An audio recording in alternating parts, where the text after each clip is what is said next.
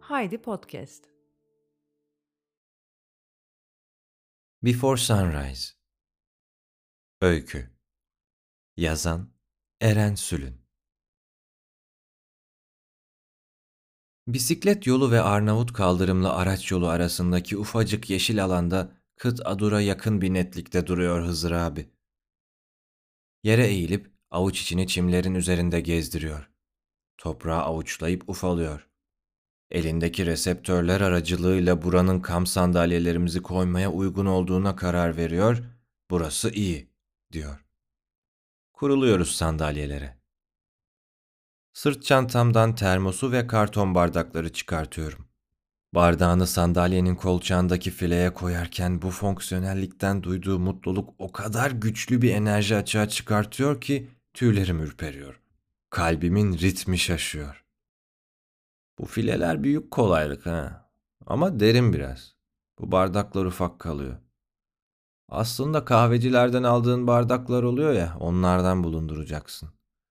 Canım böyle çay kahve çekti mi çat çıkarıp içeceksin. Kapağı da oluyor onların.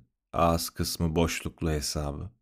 Eli yakmasın diye kartondan dalgası oluyor falan filan. Evet güzel olur. Şık duruyor hem. Üzerinde Joffy falan yazısı oluyor. Tutarken yakmıyor. Ha? Güzel değil mi? Güzel. Ha? Güzel güzel. İyi olur ondan içmek. Tabii.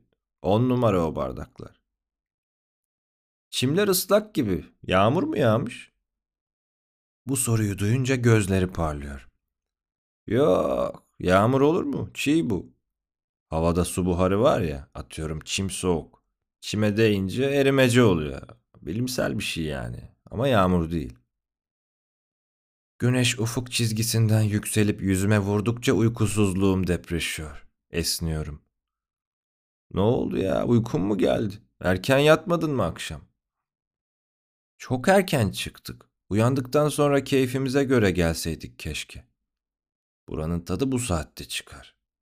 Ben artık her gün gelirim bu saatte. Bu sandalyelerden olsa güzel olur da fark etmez. Sen gelmesen de çimlere falan otururum. Yok, alırsın bunlardan birini işte. İşte bakarız duruma göre. Öyle de olabilir, fark etmez. Şu köprüyü kaç paraya yapıyorlarmış biliyor musun? Kaç? Tahmin et kaçtır. Böyle konuştuğuna göre ekstrem bir meblağın söz konusu olduğu kesin diye düşünüp 10 milyar diyorum. Cevabım onu mutlu etmiyor. Kendisini söylediğim fiyattan daha yükseğini söylemeye hazırlamışken bir anda gözlerindeki heyecanın yere çakıldığını görüyorum. 8 milyar. Çok.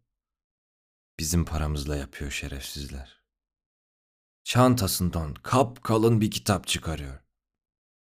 Ne okuyorsun diye soruyorum. Kitabı kaldırıp gözüme sokuyor. Tarihten bugüne masonlar ve siyonist politika.